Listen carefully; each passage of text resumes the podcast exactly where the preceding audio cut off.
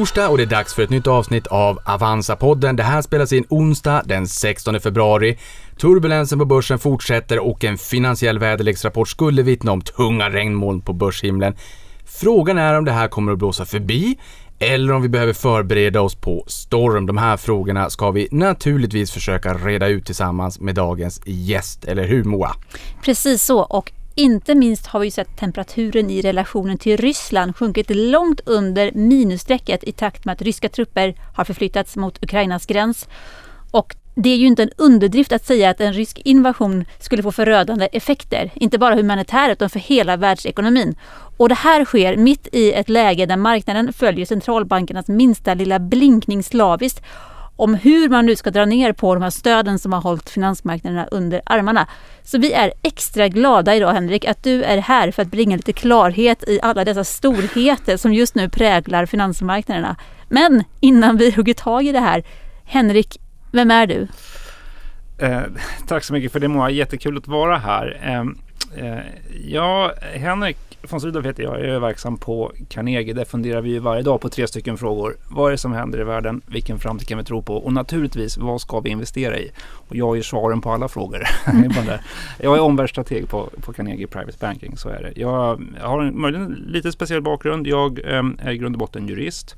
Eh, jag har en kort tag eh, varit verksam som journalist eh, på Dagens Industri. Eh, jag var riksdagsledamot i tre mandatperioder, 12 år eh, och jobbade bland annat då eh, som ordförande i riksdagens eh, skatteutskott. Och nu har jag varit på Carnegie i, i sex år och pratat med investerare egentligen om då hur så att säga Ja, en stor del av min tid pratar jag just om samspelet mellan å ena sidan då politik, pengar och våra kunders portföljer. Och det där har ju varit en fråga som eh, under den tiden jag har varit på Carnegie varit rätt närvarande i marknaden. Eh, jag började på Carnegie 2015. 2016 hade vi den stora brittiska folkomröstningen om, om Brexit. Eh, samma år vann ju Trump valet. När Trump blev president så var det information om policyprocesser och Trumps Twitter i marknaden eh, nästan varje dag. Eh, och också på lång sikt så ser vi hur det där har påverkat makromiljöer och investeringslandskap. Så att det där är ju frågor som över tid har blivit eh, viktigare och mer relevanta och sätter spår i marknaden både på kort och på, som är allra mest relevant tycker jag, på lång sikt. Då. Men man brukar säga att staten och kapitalet sitter i samma båt. Den politiska dimensionen är ju viktig som investerare ändå att ha lite koll på och där kommer ju, antar jag, ju ditt jobb liksom att försöka hjälpa era kunder, investerare, att förstå den dimensionen också. Men skulle du säga att det är den svenska dimensionen eller den internationella som är liksom mer viktig i dagsläget och hur, har den, hur ser den mixen ut idag jämfört med förr om åren? Jag tänker mig att det, det som händer runt om i världen borde ju vara av mer vikt än kanske det som händer här hemma i Sverige. Ja, det beror lite grann på vilka, vilka mm, investerare man pratar med. Eh, en eh, viktig aspekt på det där. Eh, jag tror att eh, mitt bidrag till och input till just hur investeringsmiljön och landskapet utvecklar sig. Det är ju att försöka då lista eh, och hålla koll på de datum och de processer som inte kommer från centralbanker eller som inte kommer från kvartalsrapporter men som är just omvärldshändelser. Men som har potentialen att, så att säga, skaka marknaderna om man uttrycker det så. Eh, titta lite grann runt hörnet. Vad vet vi är det för fasta situationer som kommer upp som kommer bli påverka absolut nyhetsläget också möjligen då marknadsläget.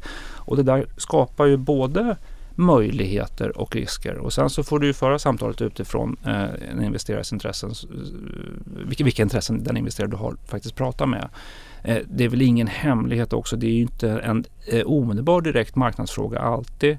Men det är klart att många privata investerare har ju också intresse av hur den svenska skattesituationen utvecklas. Och det kan vara en väldigt skarp eh, plånboksfråga om man uttrycker det så. Eh, där vi ibland har ett väldigt stort intresse från våra kunder utifrån att det kommer rubriker, allt skarpare rubriker om kapitalskatter. Men skulle du lyfta blicken och ändå peka på då de globala marknaderna eller de europeiska börserna. Där tycker jag att det är tveklöst det är mer att det är de stora globala politiska eventen, eventen som mer tydligt sätter sitt avtryck. Jag var ju inne på det om man tittar historiskt.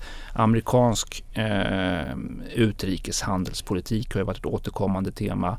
Eh, naturligtvis Feds penningpolitik näringspolitik om man ska ta in i det där. Men, men policyprocesser som emanerar från stora geografier, stora marknader som har en stor handelspolitisk tyngd är ju det som allra oftast då äm, får, får sätta marknadsavtryck.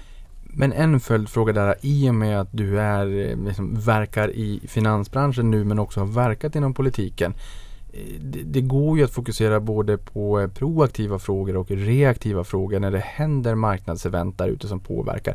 Eller de här plånboksfrågorna. Vad händer om vi lägger om skattepolitiken eller mm. finanspolitiken i någon riktning? Men ett tema som vi ändå har pratat om mycket senaste åren är ju också hållbarhet. Mm. Och här tänker jag att kanske mer i det proaktiva lägret då att det kommer regulatoriska förändringar som man säkert pratar om över en öl inom den politiska sfären och bubblar sinsemellan kring jättemycket. Mm. Men där man som investerare inte har lika mycket koll.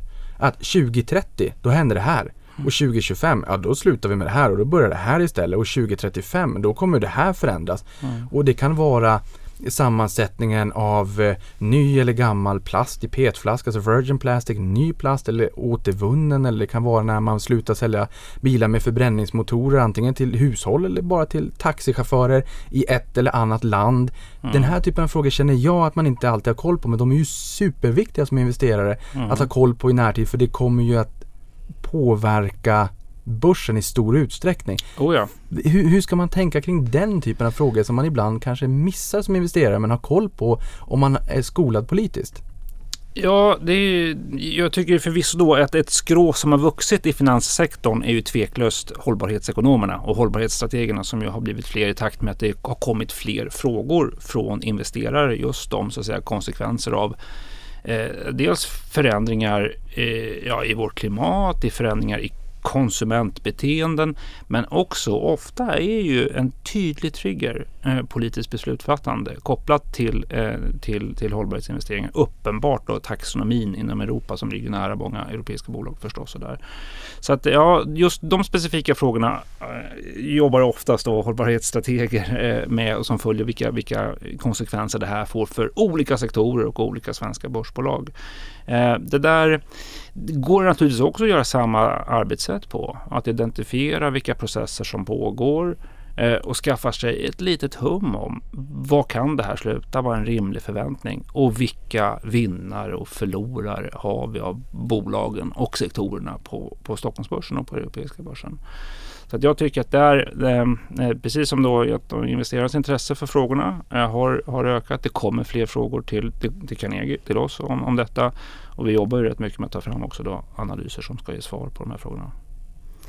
Inte bara det regulatoriska här också utan vad har vi faktiskt för vinnare på de faktiska klimatförändringar som sker över tid. Det är rätt intressant att titta på. Om, om vi utgår från att de internationella globala prognoserna träffar rätt om att vi, att vi får förändringar i vårt klimat ja då skapar det ju nya villkor för svensk skogsindustri exempelvis, för svenska fastighetsbolag, för försäkringsbolag, för svenska banker och så vidare.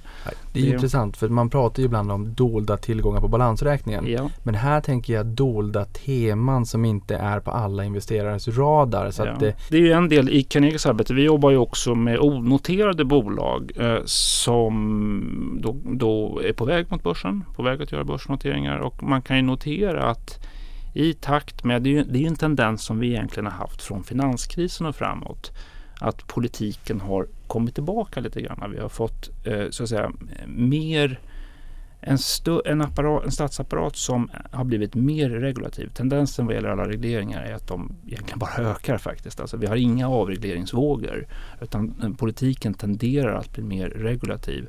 Och det där eh, kan man ju då säga att det kan skapa kostnader för bolag men det skapar också alldeles uppenbart affärsmöjligheter för många bolag. Många av de bolag som vi nu ja, tittar på och hjälper eh, med finansiering och som är i det här pre-IPO-stadiet. En del av dem är liksom kopplade till eh, regleringar om lönekartläggning som kommer, att det ska bli obligatoriskt, det behövs system för det och så vidare. Så att absolut är det också sådana processer som spelar Ja, eh, om det spelar en allt större roll kanske i takt med att det här, den här regulatoriska trenden har blivit eh, allt mer aktivistisk från, från stater. Spännande. Det kan ju skapa vissa vallgravar för de som är duktiga. Med... Ja, men det med. Precis, precis. Samtidigt som man ska ju säga det, jag brukar alltid gardera mig lite grann när man pratar om det här. På stryktipset. I grund och botten så, så är det ju många andra saker som vi tittar på naturligtvis. Alltså, som handlar om trender som handlar om hur konsumenters beteende förskjuts och eh, vilka innovationer kommer fram som egentligen inte har med politik att göra utan som snarast då kommer fram i miljöer som inte varit reglerade. Jag tycker delvis då det kan kalla för det svenska gamingundret. Det är ju delvis en effekt av att det där är innovation som har uppstått på ett område som inte alls har varit reglerat. Så man ska sätta det, eh, eh, de här regulatoriska frågorna, eh, politiska risker, affärsmöjligheter ska ju naturligtvis sättas i ett sammanhang att vi tittar på mycket annat förstås. Men jag blir lite nyfiken. Du, du, nämnde ju två stora händelser som var lite av överraskningar för marknaden när de inträffade sen du började som omvärldsstrateg. Du nämnde Brexit och du nämnde Trump. Mm. Um, vilka fler stora överraskningar har du sett? För just överraskningar är ju sånt som inte finansmarknaden tycker om generellt sett. Ja, överraskningar eh, mer än de där händelserna. Det har ju varit Eh, ehm, jag skulle väl kunna säga så här att eh, Ja, vad har vi överraskningar som har skakat mig? Det, det, jag tycker att det här har skapat en större medvetenhet och just om eh, vissa händelser och vissa processer. Ett bra exempel på hur du kan använda sådana här händelser eh, som affärsmöjlighet eller en möjlighet att tajma marknaden på ett positivt sätt och faktiskt gå in på marknaden mer. Det var ju en händelse eh, i anslutning till de två som, händelserna 2016 som vi pratade om. Det var faktiskt då, det är aktuellt nu i år igen. Vi har ett franskt presidentval som kommer upp.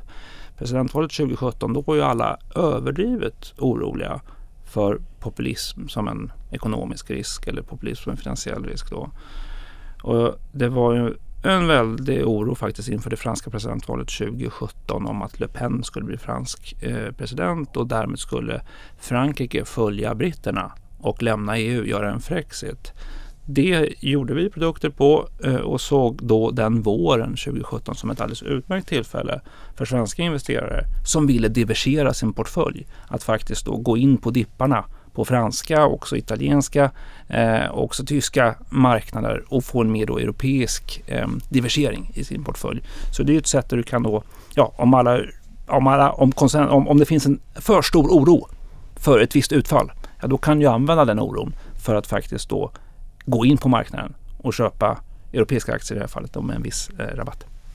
Men har såren efter Brexit läkt? Nu är ju inte Brexit Ja, det, man kan säga att det är inte klart på något ja, sätt med alla konsulter och allt ska räknas på, allt ska göras om och sådär. Men det var väl när vi skålade in nya året 2020 va? Jag, jag, ja, så var det ju faktiskt då. Eh, och 20, det är faktiskt det år då som det mer rejält och mer eh, praktiskt har, har, har faktiskt eh, har fört. Och det där Ehm, jag, jag, tror att det här kommer visa sig få konsekvenser för handeln. Det är ju väldigt svårt att skilja på vad är pandemieffekter och vad är brexiteffekter. Där står väl så att säga analysdebatten eh, mellan brittiska och europeiska ekonomer om, om just detta. Eh, men jag tycker också att det här är ju händelser som ändå då har pekat mot en så att säga global eh, politisk miljö där det globala riskläget är mycket högre än vad det traditionellt sett har varit. Och det har ju möjligen en koppling till det som marknaden fokuserar och tittar på mycket just nu. Att efter, ja, det blev tydligt för så många med brexitomröstningen med Trump att vi lever i en miljö där de så att säga geopolitiska ledande indikatorerna inte har varit så negativa på flera decennier. Och med ledande geopolitiska indikatorer så är det att titta på relationen USA-Kina, titta på relationen USA-Ryssland. Du kan också säga titta på relationen USA-Europa, där man, som jag har blivit ifrågasatt. Du kan titta på intra-EU-relationer, alltså relationerna ja, ta mellan britterna då och, eh, och, och EU eller britterna och fransmännen. Så har man ju där så att säga en mycket lägre grad av förtroende och tillit. Och det där tror jag är viktigt att ha med sig som en förklaring till modell till vad vi nu ser.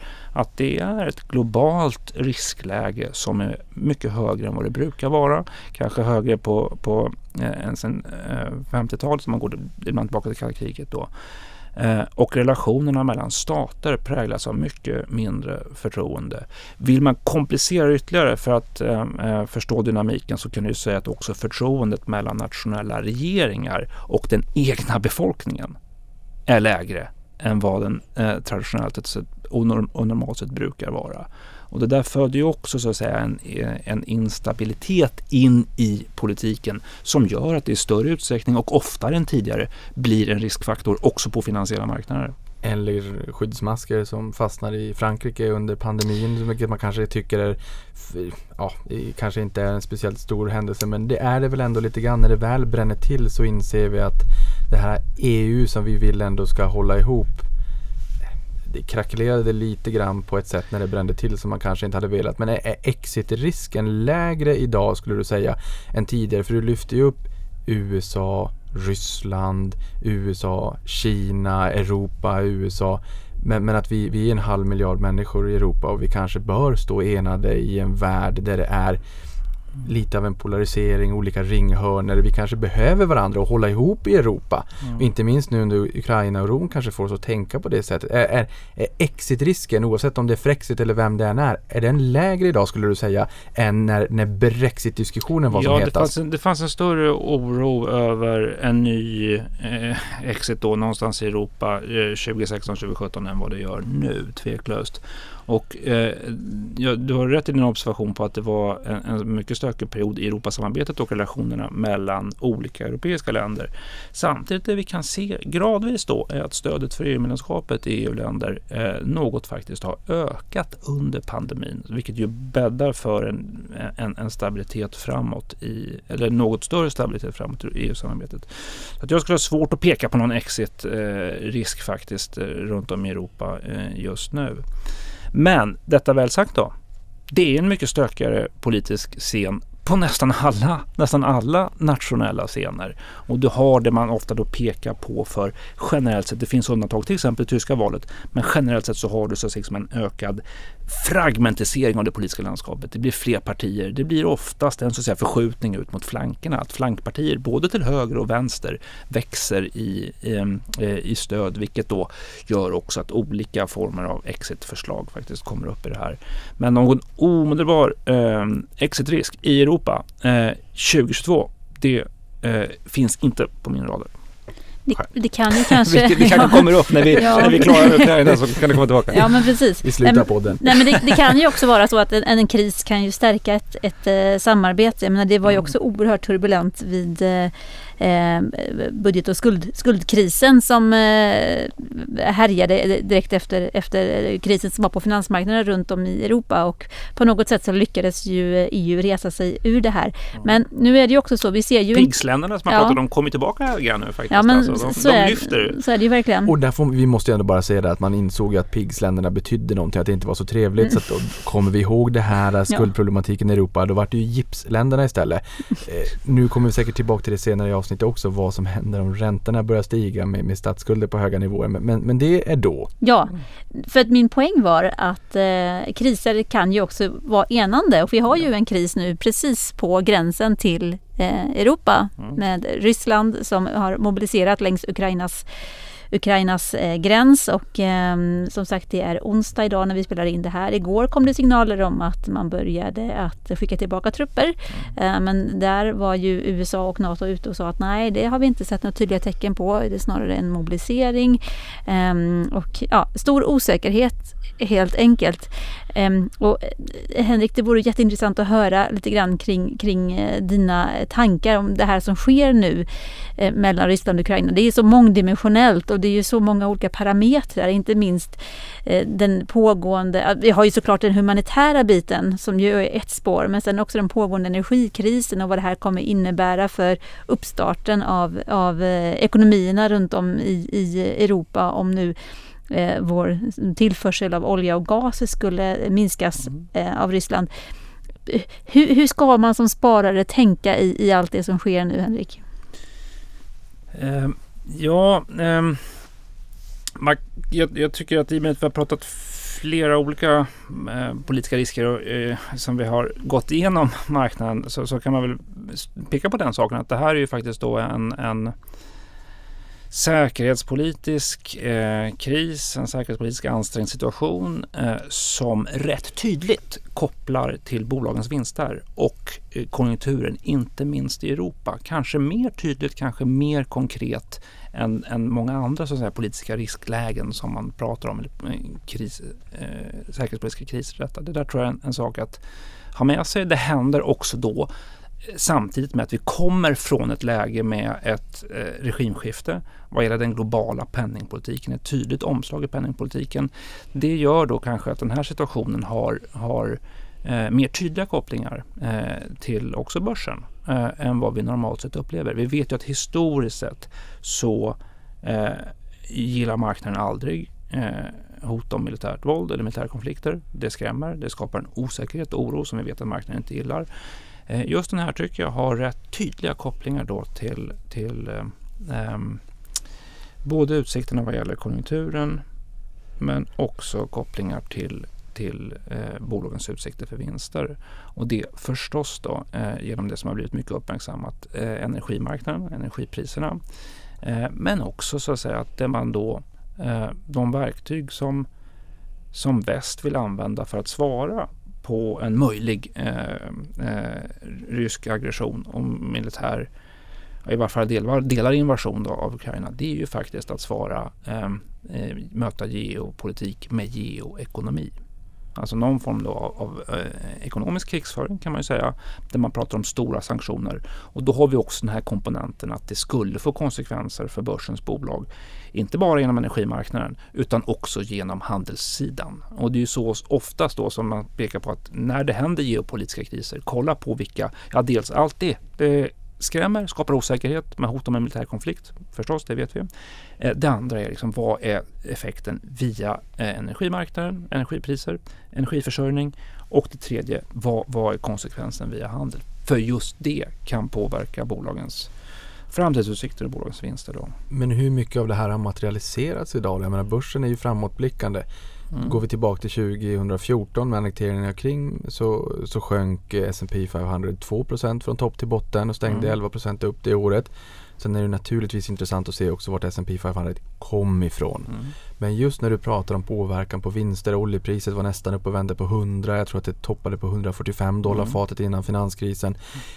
Vi har sett att det har stökat ganska mycket på marknaden. Det är naturligtvis också den här elefanten som vi håller på att vända sig 180 grader i ett glasrum med finporslinet just nu. Mm. När man liksom när, när värderingar blir mera kanske liksom, viktiga att tänka på när, när räntan, priset på pengar börjar, börjar ticka på uppåt. Och det kanske är svårt att utröna och gå ner i anatomin vad som är vad. Men hur mycket av det här har vi tagit höjd för tycker du? Jag tror att det delvis eh, redan är inprisat i marknaden. Eh, du kan ju se Rysslands börsen som den är nästan helt driven av geopolitik just nu. Och om den då är en form av ledande indikator så kan man ju se också hur europeiska börser och globala börser delvis har följt den.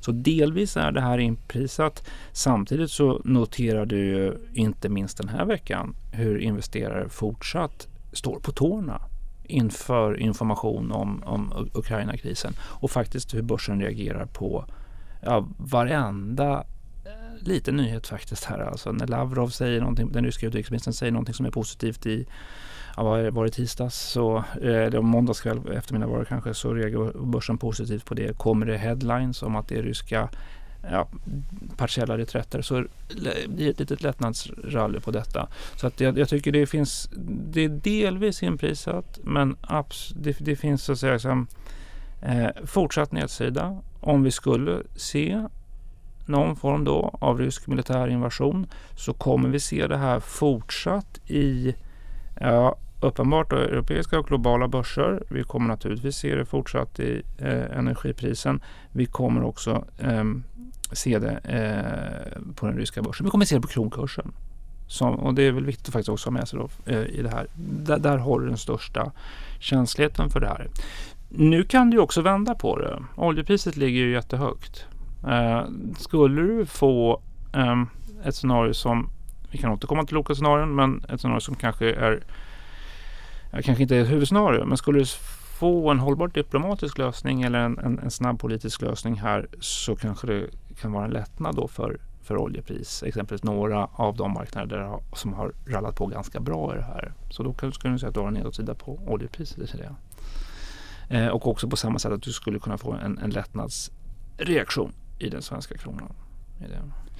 Men jag skulle vilja fråga här för att du nämnde ju tidigare när det var en stor oro i eh, Europa när eh, Brexit hade varit och det var oro inför det franska valet med en eventuell Frexit och mm, likaså i, i Tyskland och Italien så rådde ni era eh, investerare att kanske ett, ett läge att diversifiera mot Europa. Är det här ett tillfälle att diversifiera mot Ryssland eller är liksom osäkerheterna för stora för att man ska vara på marknaden?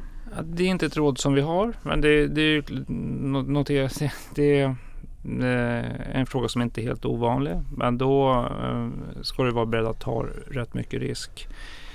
En nyckelfråga här är ju förstås då ehm, om vi får se en i varje fall i delar rysk invasion. Vad blir sanktionspaketet?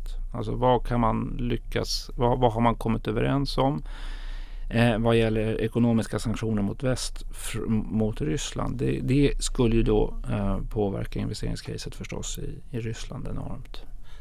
Gäller det här Kina också? För jag tänker mig, det finns ju ett index som heter Nasdaq China Golden Dragon Index som var ner 60% i fjol från topp till botten.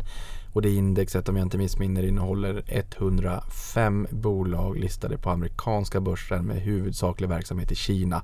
Så ganska bra indikator på mm. eh, sentimentet kring Kina. Och vi har ju sett ganska hårda nedslag där. Eh, och kanske också för att lyfta medelklassen kanske för att inte tappa makten och allt vad det kan tänkas vara. Men jag tänker det känns som att det var droppen som fick bägaren att rinna över lite grann. Att många inte orkar med den Nej. politiska risken när det kommer till kinesiska aktier. Du pratade Ryssland här precis. Ja. Gäller det Kina också? Det här är frågor som vi debatterar eh, i allra högsta grad. Och det har ju också varit en, en stor, nästan global debatt på temat. Går det att göra investeringar i Kina? Is China investable? Frågetecken utifrån det här. Det tycker vi att det fortsatt är. Eh, men vi noterar också att det är många investerare som inte vill göra de investeringarna av, och som är värderingsdrivna i detta. Då. En annan, ja, ideologiskt drivna får man säga det här. Men ska man göra det så måste du vara eh, mycket selektiv. Du måste ha en mycket aktiv förvaltning eh, mot, mot Kina. Men vi, vi har fortsatt i våra portföljer så finns det en fortsatt exponering mot Kina. Men vi har blivit mycket, mycket mer selektiva och väljer där eh, en mycket aktiv förvaltning snarare än att vara passivt eh, exponerade mot index. Ja, för det känns som här i podden så landar vi allt som oftast att Ja, men det är ju ändå lite trevligt och, och, om det nu är så att man vill ha den kinesiska exponeringen, ha det via svenska bolag med svensk ägarstyrning då. Ja. Ehm, men ja, nej, intressant. Du, vi pratade här om Ukraina. Mm. En annan fråga är Kina-Taiwan. Mm. Finns det mer sådana bubblare där ute som inte är i den liksom, i, mm, i, i rampljuset medialt men som ligger och bubblar och skulle kunna stöka till det geopolitiskt? Det tror jag att det gör. Eh, och det kommer utifrån det jag delvis nämnde tidigare att vi har en, eh, det här är en global politisk kris och att förtroendet mellan stater, inte minst USA och Kina, är på historiskt låga nivåer. Så att det, det är, vi kommer det är så inte alltid det roligaste att påminna investerare om, men, men vi är i en miljö där vi kommer få se mer utav geopolitiska kriser, mer utav geopolitiska hotspots. Eh, möjligen också under 2022, eh, möjligen också under 2023. Eh, jag skulle, du var inne, inne på den ena då. Eh, det, är, det är väl en av topp tre eh, geopolitiska risker också i år och det är ju uppenbart då Eh, Kina mot Kina-Taiwan-frågan eh, som ju också har väldigt tydliga kopplingar in mot den globala eh, ekonomin utifrån att Taiwan är så viktig. Det handelsstråket kring Taiwan är, Taiwan är jätteviktigt också för europeiska ekonomin. Expo, tydligt kopplat till ehm, eh, europeisk fordonsindustri och så vidare. Så där finns det tydliga kopplar in till, eh, till, till världsekonomin och att det är världens två största ekonomier då som går mot en friktion kopplat till det här. Det är här kring Taiwanfrågan som deras intressen allra tydligast kopplas. Här finns det också en länk till Ukraina-situationen. Exakt. Mycket mm. tydligt nu tror jag att Kina så att säga eh, noterar hur samspelt är USA med sina allierade. Vilka sanktioner, om det blir aktuellt, är man beredd att gå fram på? Vad, vad kan man komma överens om som minsta gemensamma nämnare? Så att jag tror att det är också en drivkraft för Biden och USA just nu. Att de tycker att den prioriterade rivaliteten egentligen är den mot Kina, för det är en ekonomisk stormakt som är på väg upp, eh, som man vill balansera. Så för USA är det också en drivkraft i det här, att nu visa att man kan hålla ihop, hålla samman sina allierade och att du också kan vara effektiv i din ja, då geoekonomiska och geopolitiska svar och respons på det där. Jag, eh, I och med att du ställde frågan om det finns fler hotspots, det, det, gör det. Och det är inte alla som alltid är då i, i, i eh, radarljuset. Men det är, jag skulle också lyfta då som en på en topp tre-lista så har vi situationen som är kopplad till Irans kärnenergiavtal. Eh, som ju har varit i ett dödläge. Eh, det är svårt att komma fram i förhandlingar. Iran eh, forcerar fram sin eh, nukleära kapacitet då, vilket får Israel eh, ja, det är frågan om hur länge Israel kan egentligen tolerera det utan att svara på något sätt. Eh, vad det skulle kunna vara blir ju lätt att man spekulerar men Israel kommer förmodligen vilja förhindra att Iran får en kärnvapenkapacitet. Och kring det här möts också globala stora intressen. Här har också Kina nya intressen i Mellanöstern precis som USA också har. Så att tyvärr är det en mer besvärlig och en mer stökig eh, geopolitisk miljö som kommer också då bidra till, till mer volatilitet på börserna. Moa har en fråga, men innan det måste jag bara snabbt fråga. Du sa här innan vi började spela in att om man är optimist eller pessimist, det styrs, styrs lite grann av hur, hur ja. väl man sover om natten. Ja. Eller det, anekdotiskt i alla fall. Om sen det är så vetenskapligt belagt eller inte, det, det, får vi, det lämnar vi därhän. Mm. Men Eh, är du då optimist eller pessimist härifrån? Ja, men jag, det, det låter, jag, jag, tycker att det är besvärlig utsikt när du tittar på den globala politiska scenen. Så är det. Eh, man ska ju också då inte glömma att det finns massa motkrafter till det här.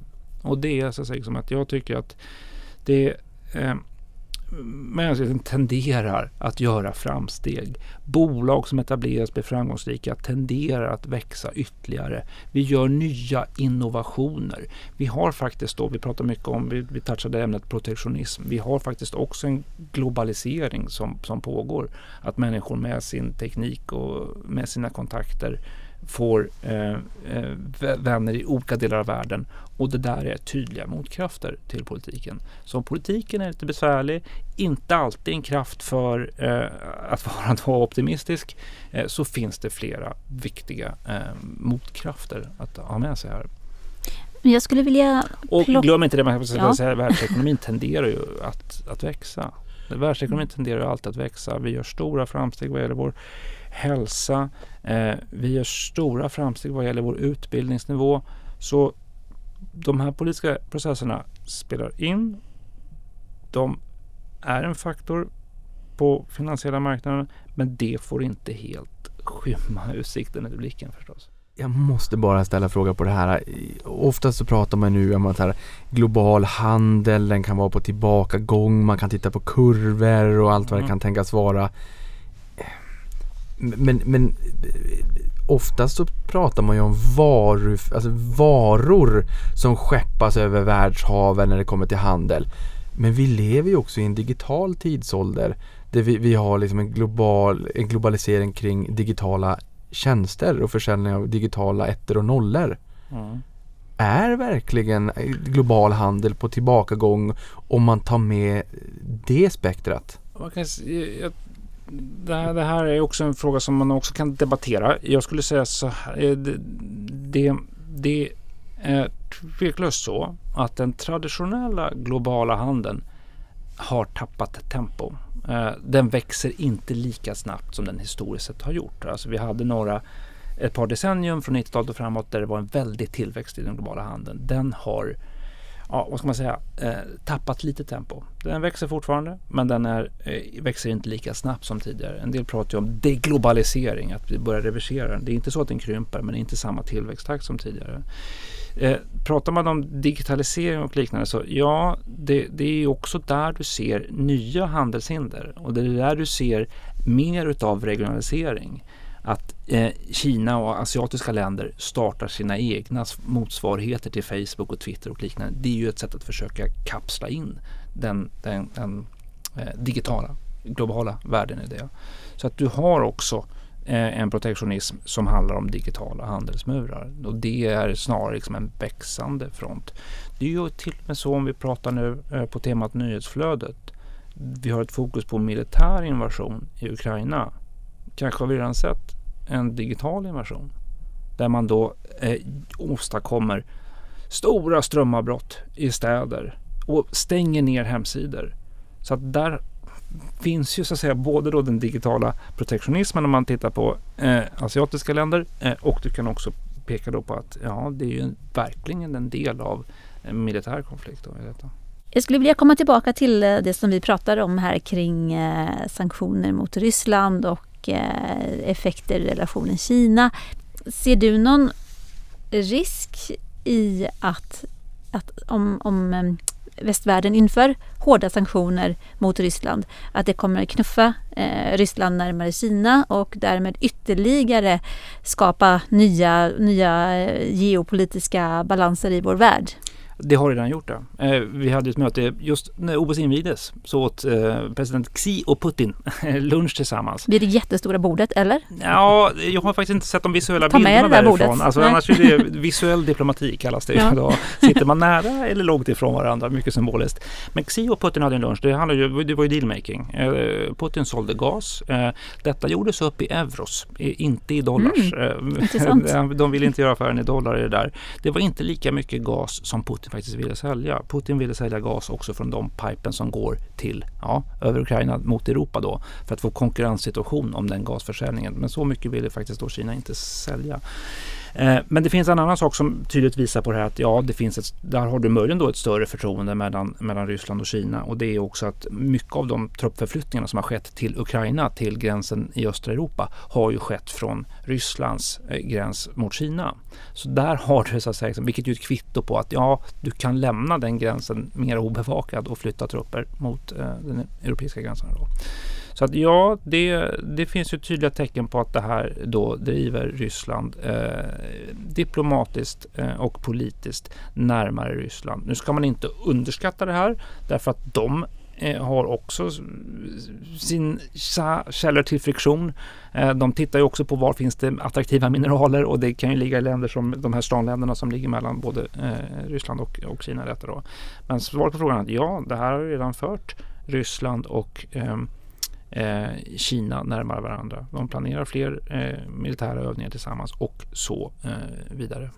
Men du pratar om det visuella.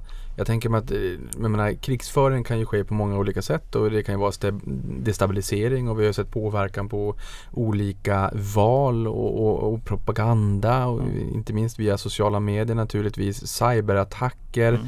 etc. Det här blir ju mer visuellt när man ställer 130 000 man vid gränsen. Eh, och, och, det fångas upp medialt på ett, på, ett, på ett annorlunda sätt. Det blir ju större, det blir ju mer påtagligt för, för gemene man. Vill man ens invadera Ryssland eller är det här vi pratade om tidigare att det här är en mycket, mycket större fråga. Man vill inte att Sverige går med i NATO. Man vill inte att, att Finland ska med, inte Ukraina. Och att vi ska tajta ihop oss och bli en starkare kraft här. Men också mm. det här med signalvärdet det skickar mot Kina och vad som skulle hända om man intar Taiwan etc. Vem vinner på en invasion? Vill man ens invadera eller är det här ett, liksom ett visuellt chicken race? Jag tror att det, det finns ju många olika resonemang om vilka åtgärder och hur, hur kommer en konflikt se ut? Kommer det en konflikt och så vidare. Eh, utifrån de analyser som jag har läst och de analytiker som jag pratar med så pekar de på att det är en sak som är mycket lättare att vara säker på och det är Rysslands strategiska intresse i det här. Och det är att så att säga eh, störa ut Ukraina. Att inte göra, att göra, det låter ju väldigt destruktivt men det här är ju tyvärr då en destruktiv strategi. Men det för den ryska ledningen, för Putin, så får inte Ukraina bli ett gott exempel. Det får inte bli en blomstrande ekonomi. Det får inte bli en, en fungerande demokrati. Det får inte gå, ta mer steg mot väst därför att då blir det ett negativt exempel för andra länder runt omkring Ryssland och för Rysslands egen befolkning om den, en, ett närmande till väst ger ett positivt resultat. Så den långsiktiga strategin utifrån eh, eh, Kreml och Moskva och Putin skulle då vara att, så att, säga, att eh, störa Ukraina så att det inte blir ett framgångsexempel. Det är tyvärr en destruktiv plan men den, den, det är många som vidimerar den. Det låter rimligt. Eh, ja, och det gör att alla andra eh, så att säga, insatser då blir, blir mer av så att säga, verktyg. Det är klart att det för med sig stora risker för eh, för, för, för Putin och för eh, den ryska eliten. Och det finns nog olika uppfattningar i den ryska eliten om en invasion är rätt sätt att faktiskt göra det. Det finns ju risk att det kan slå tillbaka mot Putins egen popularitet. Eh, det kan gå väldigt fel och, och, det kan bli spridningseffekter av en sådan risk. Det är väldigt dyrt eh, så att det finns nog så att säga eh, andra verktyg i den här hybridkrigföringen som kan vara mer effektivt försvåra för västerländska politiker i, i Kiev exempelvis. Ehm, ehm, det kan ju vara ett sätt. Vi var inne på allt det här med, med cyberattacker förstås som vi har sett eh, och också hacking som, som, ett sätt att försvåra livsmedelsförsörjningen, försvåra betalningssystemet. Um, uh, det, det kan ju vara verktyg som gör att man ändå når det strategiska målet. Att och, försvaga och destabilisera Ukraina. Och här hade vi också en Rysslandsförvaltare då, Elena på, på Robur som sa det här att vi, vi ser en ganska rejäl uppgång i, i ägandet bland privatpersoner, privata, vanliga ryssar på börsen. Man bränner ju inte utländska investerare enkom längre om folket hittar till börsen och i större utsträckning också påverkas negativt av den här typen av event. Nej, och det är väl något som, som Putin måste väga in ändå. Det bara medellångsiktiga och den långsiktiga utmaningen för Ryssland tror jag inte faktiskt själv ens Putin bedömer vara en NATO-expansion i östra Europa utan det långsiktiga hoppet är ju förstås att Ryssland blir fattigare. Att du får en mer missnöjd befolkning, att du får en levnadsstandard som ja, kanske inte sjunker men stagnerar eh, och att man ser det också i jämförelse med andra, eh, andra delar av världen. Där har du ett, ett rimligen ett större reellt hot för, för, för Putin. Han gör själv bedömningen det är svårt att veta vad Putins intention är med, med militären vid, vid, gränsen. Det tror jag nästan bara, det är bara han själv, om han själv ens har bestämt det själv. Eh, men, men däremot så säger liksom, det är ingen tvekan om att eh, den ryska eh, politiska ledningen är eh, bekymrad över det som kallas då för eh, färgrevolutioner eller uprise som man har sett runt omkring dem. Och det är det man vill inte ska vara framgångsrikt i Ukraina. Men väldigt mycket av det som vi ser nu eh, är ju tämligen styrt av eh, olika personer. Det är ju väldigt starka eh, och eh, jag vet inte säga de karismatiska men starka ledare i Ryssland, Kina. Vi såg också eh, USA under Trump som eh, mm. vände utrikespolitiken till att bli någonting helt annat än vad det har varit tidigare. Mm. Vad tror du behövs för att världen ska komma samman mer, att vi ska lätta lite grann på de här spänningarna? Räcker det att de här personerna att de byts ut? För vi ser ju idag ett annat USA eh, under Joe Biden än under Donald Trump. Eller är det liksom strukturer som sitter i samhällena som är det svårare att rucka på? Ja, vad krävs för att tilliten ska komma tillbaka då, och förtroende både mellan stater och, och mellan, eh, mellan eh, medborgarna och sin egen regering? Ja, det, det är en eh, utmanande fråga, mm. verkligen. Eh, nej, men man får väl någonstans hitta tillbaka till så att säga, en respekt för, för det som brukar kallas då för det regelbaserade internationella samarbetet. För det är ju en del av det vi nu ser, en så att säga, normlöshet i hur stater umgås med varandra, vilket skapar mindre stabilitet, mindre förutsägbarhet. Vi vet ju att investerare älskar så att säga, institutionell stabilitet nästan då, att du har globalt fungerande internationella institutioner det ger ju en, ehm, eh, en trygghet eh, och en förutsägbarhet som mycket ofta är eftertraktat. Ja, eh, jag vill inte vara så dystopisk som man säger att det ska till en kris igen för att det ska bli en efterfrågan på, på en annan ordning. Eh, men det brukar man ju peka på som, som, som ett sätt. Då. Ehm, du, du, kan också säga så att mycket av det här om man pratar om att, att du har stater som blir mer nationalistiskt orienterade, sluter sig något, att det kan vara en effekt av att du faktiskt har åldrande befolkningar. Eh, att du har en demografi som är väldigt upptung, stora, eh, eh, mycket människor som är över 70-80 år. Det tenderar att göra samhällen lite mer eh, slutna och kanske också lite mer nationalistiska. Och I så fall skulle det kunna vara en eh, övergångsfråga.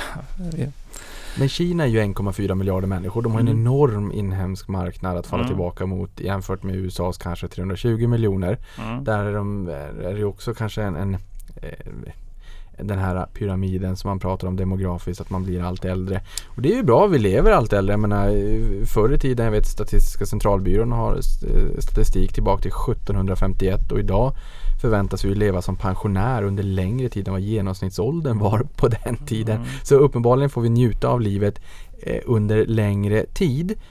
Men jag läste en artikel kring inflationen och jag är väl det läge som tänker mig att det är svårt att återstarta världen synkroniserat efter att han stängt ner den på ett sätt som vi aldrig någonsin har gjort tidigare och hoppas och tror att vi faller tillbaka.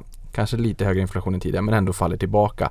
Men den här artikeln som jag läste pratade om att ja, men det är ju lite utmanande med den åldrande befolkningen i Kina och de har ju varit världens fabrik, made in China. Nu vill de ju ställa om därifrån och vi ser mycket flytta till Vietnam och Bangladesh och Pakistan och sådär. Mm. Men, men, kan det här föra med sig inflationistiska vindar eh, på grund av demografin? Att det, det, är många människor i Kina som har producerat världens varor som inte längre kommer jobba framåt. Det är också en sån svår fråga. Ja. Två elaka frågor i rad här. ja, eh, den, den demografifrågan, den, det är ju en faktor som ofta kopplas eh, till, till eh, just inflationsfrågan. Men återigen då, eh, sätt den mot andra, sätt den mot motkrafter, sätt den mot eh, eh, allt det som har varit problem för centralbanken att faktiskt då få upp inflationen. Det är ju vad fortfarande en del centralbanker pratar om. Eh, inte minst svenska riksbanken som är den duvaktigaste. Men de pratar att det finns fortfarande tunga faktorer som motverkar de du nämner. Eh, att du har mer effektiv produktion, att du har mer digitalisering. Att du, en, du har ju så som en fortsatt globalis globalisering och därmed också en effektiv och ofta en effektivisering i produktionen som kan, kan pressa priserna. Så återigen titta på motkrafterna då. Om man tar Eh, de många eh, äldre i Kina. Ja, men jag tycker att om vi flyttar hem produktionen, det är högre lönekostnader här än vad det är i Kina men å andra sidan så kanske det också blir, det skapar en renässans för Industri 4.0. Vi vet att 5G handlar om konnektivitet istället för mobilitet som det var med 4G. Mm. Och allt det här kommer ju att kanske gå ännu snabbare för att kunna optimera och kunna automatisera, robotisera mera mm. för att inte öka lönekostnaden riktigt så mycket som annars hade varit fallet om man flyttar hem en del av produktionen. Och det kanske också har att göra med, med diversifiering faktiskt i, i tillverkningskedjor eh, som, som vi alla har lärt oss att det har varit lite utmanande med flaskhalsar och försörjningskedjor och frakt och allt mm. vad det kan tänkas vara. Mm. Eh, det här borde ju rimligtvis Ah, jag, jag, är läge som tror och hoppas att inflationstakten faller tillbaka men budskapen här när det kommer till centralbankspolitik är ju lite olika beroende på vad man lyssnar på. Vi har Fed i USA, vi har Bank of England, vi har ECB i Europa, vi har Riksbanken i Sverige. Och vissa säger ju att Fed också ligger bakom kurvan. Eh, vad tror du? Ja, det, hökarna har ju verkligen samlat sig kring centralbankshusen både, både i eh, Washington och London och eh, Eh, Frankfurt. Inte här borta på eh, Brunkebergstorg. Eh, Nej, jag, jag, tror att det, som man ska, det finns väl möjligtvis här en koppling till, till den frågan som vi har pratat mest om, just Ukraina-krisens eh, betydelse för, för, för penningpolitiken både i Europa och i USA rimligt att tro här är väl att eh, Ukraina-krisen spelar ut mer och får konsekvenser mer för, för, för ECB än för Fed. I den bemärkelsen att det finns en mer eh, omedelbar koppling till den europeiska ekonomin och till den europeiska återhämtningen. Får vi en, liksom en förvärrad kris kring Ukraina eh, som då också ger konsekvenser att vi får högre energikostnader, kanske permanent strukturellt högre energikostnader. Eh, kanske till och med en situation med energikris, att vi alltså inte har tillräcklig energi och det blir mer strömavbrott här. Då är det naturligtvis någonting som kommer dels urgröpa hushållens eh, Eh, konsumtionskraft och konsumtionsförmåga eh, och också därmed slå mot återhämtningen i Europa främst och kanske mer då än i, i USA. Så att jag tror är det någon som, som möjligen har skäl att backa något från det hökaktiga så är det nog snarare Lagarde och ECB än, än Fed än så länge. Vi får se. Men det kan väl också få en, en effekt, som du, precis som du nämnde, på att energipriserna går upp ännu mer och att då företagen i ännu högre utsträckning skälper över det här på sina produkter och tjänster varpå inflationen stiger ännu mer. Så att jag menar, det finns väl två stycken eh, tendenser som det kan gå åt båda hållen lite grann, eller? Och båda hållen är då att det är... Antingen att inflationen går upp ja. på grund av energipriserna går upp ja. eller att inflationen trycks ner av att eh, ekonomierna stannar av. För att... Ja, om, man, om konjunkturen tappar kraft. Ja, eh, ja det skulle ju kunna skulle kunna vara så. Eh, vi får se var det tar vägen. Ehm, och, eh, så att säga, konjunkturen skulle ju tappa mer kraft då om vi får mer handelsrestriktioner eh, som påverkar detta. Och oljepris, energipriser skulle sticka iväg då förstås om vi får, om det här blir kopplat till gasfrågan. Och gasfrågan är ju förstås någonting som båda sidor kan weaponize, eh, mm. som det ibland heter. Ryssland kan använda det för att stänga av gas eh, och och det har ju också skett historiskt. Ja, nej men visst. Och det, det, det, jag skulle nog hävda att det har skett redan under januari mm. och på den här sidan årsskiftet så har tillförseln av gas eh, sannolikt reglerats eh, från, från kläm, vilket påverkar priset i detta. Men det kan ju också användas, det kan användas av båda sidor i den här konflikten. Även, även Europa och Tyskland eh, skulle ju kunna, och väst skulle kunna säga att ett svar på, på ett ryskt aggressivt beteende är att inte aktivera, starta Nord Stream 2. Och det skulle ju då få också den effekten att eh, energipriserna sticker uppåt i Europa. Ja, för det här har ju Putin också tagit tillfället i akt och faktiskt marknadsfört Nord Stream 2 och sagt hörni, vore det inte bra om vi bara skruvar på det här lite grann? För oljepriset, oljepriset hjälper ju liksom till att flytta de här atomerna som vi pratar om och det spelar liksom ingen roll om det är den här gurkan eller den här halvledaren eller bilen eller vad den är, olja, ett, så. Och sen har vi gasen. I USA, då är det ju pipelines rakt in i kåken. Och det är ju uppvärmningen. Och mm. dessutom så är det ju gasen som hjälper att tända lampan eller slå på datorn för det skapar elektricitet. Mm. Om du inte vill elda kol den här energifrågan och faktiskt lite grann energikrisen, jag, jag, vill inte överdriva men ändå lite grann energikris kanske som man har mm. på halsen. Kan det här vara ett långsiktigt hot om vi inte får en politisk enighet som kan skapa långvarig inflation i takt med att företagen ska tillverka allt mer och fler företag och det är mera efterfrågan och sen vill man ha 51 olika uppkopplade enheter som ska laddas varje natt och sådär. Jag menar, köp en kåk från 30-talet. Då inser, och om, om man inte har renoverat den där sedan dess, då är det inte så många eluttag. Mm. Det är fler eluttag i en kok som byggs idag. Och det finns en anledning till det. Ja, det är bra. Är, är det här, liksom, kan det här skapa en långvarig kris om man inte löser den här frågan? En långvarig inflationstryck En långvarig inflationspuckel? Ja, det är, ehm, du kan ju prata om greenflation i, i den aspekten. Att det, det kan vara någonting som driver upp kostnaderna i det. Ja, eh, möjligen samtidigt också här finns det ju, skulle, här skulle man kunna vara eh, optimistisk att titta på all den innovation som nu sker kopplat till på det här. Det kommer ta tid att göra den omställning som man gör, men ändå det är ju så att säga bolag som vi återkommande eh, hjälper och arbetar med. Det är ju bolag som jobbar jättemycket med eh, batterier, att du ska ha solceller på taket i huset som du har köpt och så ska du ha ett batteri i källaren som gör att du på ett effektivt och kan lagra energin eh, och på ett effektivt sätt också använda den förstås. Så att, men övergångsperioden sätter ju redan ekonomin under stress och press. Vi är ju i den situationen att vi har ju en greenflation effekt på grund av att omställningen här tar, tar tid och pressar energimarknaden uppåt. Jag såg att det stod i tidningen här igår också om att Northvolt, om de kommer till börsen, då kan man ju tänka sig att ni med på ett hörn, eh, skulle kunna vara den, eh, den största noteringen i Sverige någonsin. En rolig eh, transformation. Det är en drömnotering för, för Carnegie Investment Bank. det har min chef sagt. Det har min chef sagt. Ja, så, är det, så är det. En grej som jag tycker är jätteintressant, mm. det är TINA. There is no alternative. Mm. Och så har det varit länge. Mm kan det här finnas en risk att TINA pensioneras? Jag menar, tar vi 2018 hade vi en techfrossa, man gick från tech till hälsovård och sen vart det en frossa och gick rakt ner från augusti till december. Ehm, då pikade amerikansk tioåring på 3,26. Vi är inte där riktigt ännu. Vi har varit över 2% senaste veckan. Men vi har ju en ganska negativ realränta. Mm. Finns det någon risk att, att man, man liksom delpensionerar, man, man går ner i arbetstid på TINA?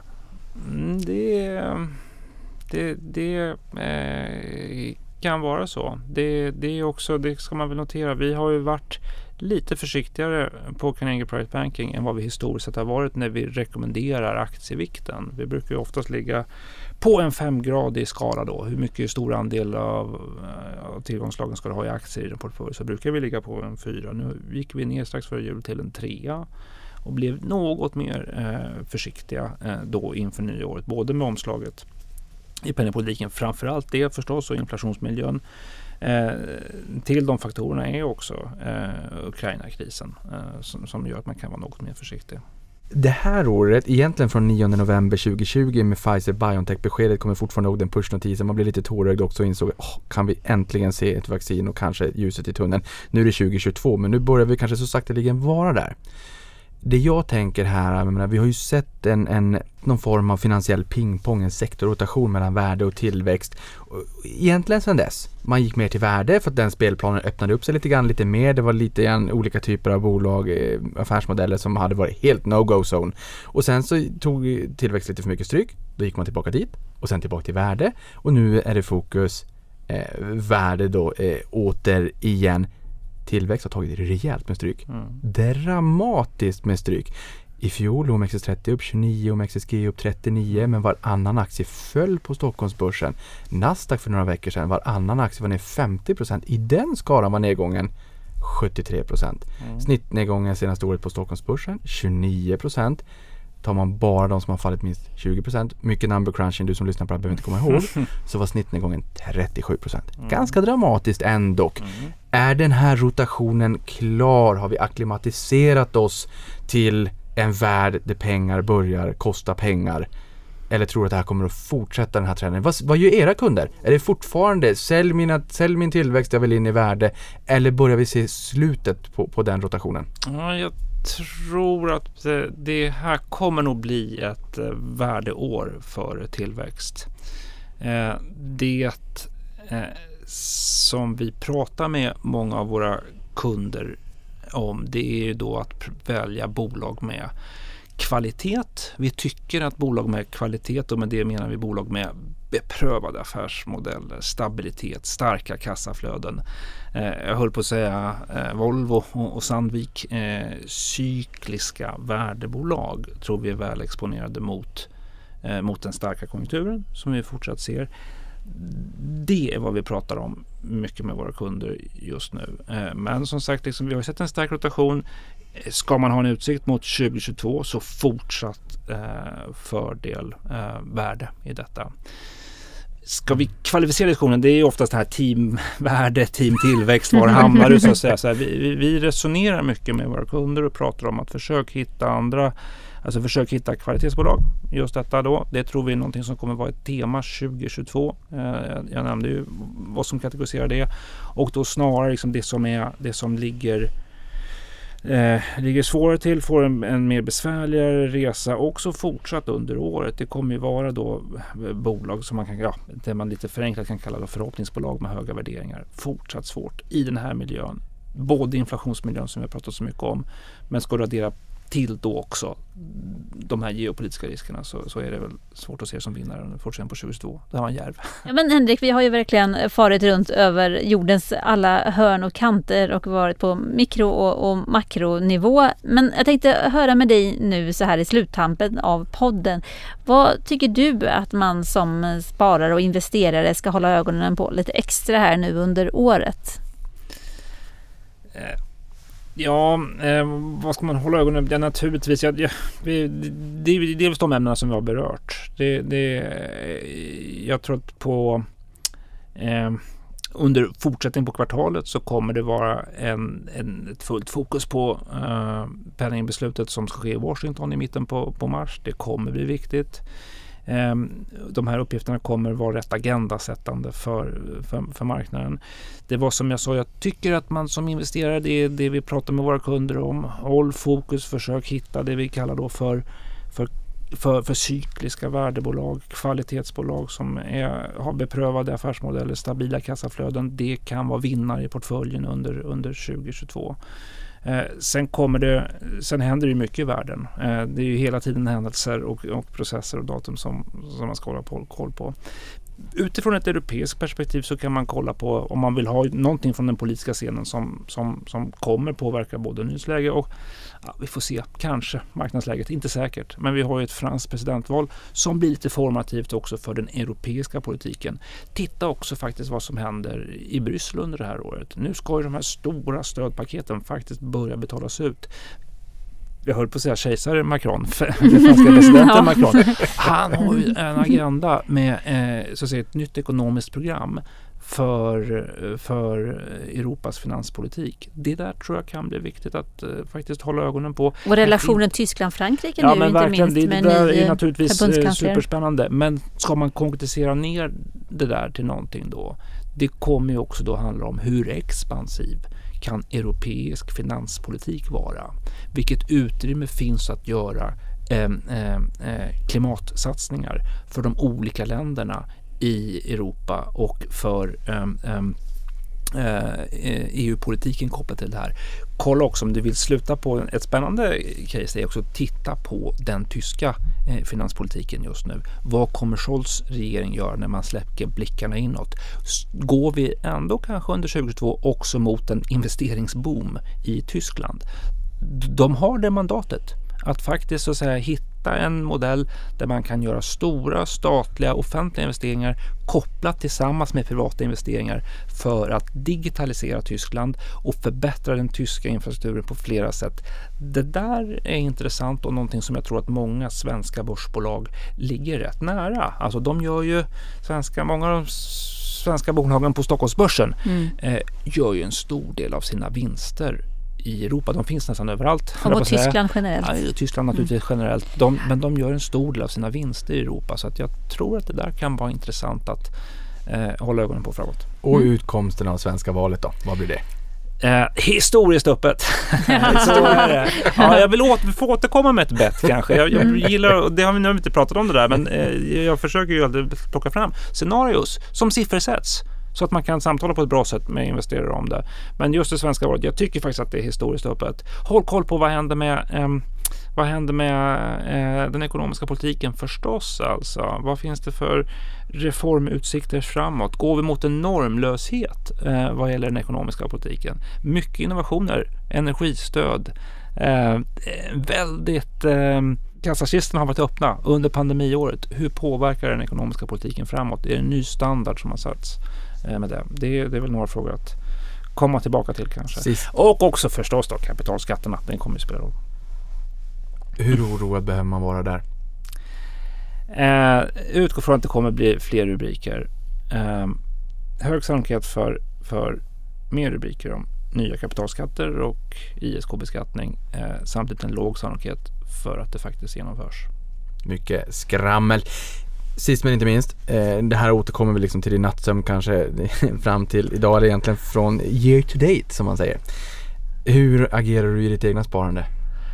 Jag eh, köper varje månad, jag investerar varje månad. Det har jag gjort länge och sen jag var här senast så har jag samma råd och sådär. Det, det, är rätt enkelt att jag, jag försöker eh, köpa aktier varje månad. Så de människorna man ser på Twitter här nu som tycker att det gör lite ont i magen när det svänger lite grann och säger så här, jag funderar på kanske pausa eller avsluta mitt sparande. Det, det, är ju klokt att komma ihåg det här de bästa affärerna görs som jävligast av tider. Det är ju väldigt enkelt att tänka eh, på det i goda tider. Men sen måste man ju praktisera det i, i sämre tider. Men, men här då ett, ett gott löpande sparande och inga skäl till att dra i handbromsen på grund av de orosmolnen vi ser just nu. Nej, jag tycker man ska vara uppmärksam på orosmolnen och, och Eh, Ehm, jag tycker att några av de, de investeringsråd som vi ger våra kunder är extra viktiga eh, givet eh, just de orosmoln vi får. Men sen generellt, nej, och det om du frågar min eh, personliga ehm, eh, sparande och investeringar här så det, det är det som är så bra om du har bestämt dig för att handla varje månad. Ja, även om börsen står jättehögt och det är jättemycket optimister, även om det är svart så ja, jag hoppas att det där jämnar ut sig över tid. Och det är väl det, jag, förutom att pratar om vikten av en god nattsömn som har touchat på så the power of good habits, alltså vanornas makt, att göra någonting långsiktigt och över tid, det tror jag liksom, det är, det är revolutionerande sett över eh, lång tid och på längre sikt. Det var väl fina slutord tycker jag. Det var fina slutord och jag tycker också någonstans den som har tiden på sin sida, kom ihåg Johan Norberg när han gästade, världen är och ser bättre ut idag än, än, eh, än, än dåtid, än förr i tiden. Har man en sparhorisont på 20, 30 eller kanske till och med 40 år, fundera kring kommer världen se bättre eller sämre ut om 40 år än idag. Med de orden, Henrik, tusen tack för att du kom hit och gästade podden. Tack så mycket, jättekul att vara här. Tack så mycket. Tack Moa och stort tack för att du lyssnade på det här.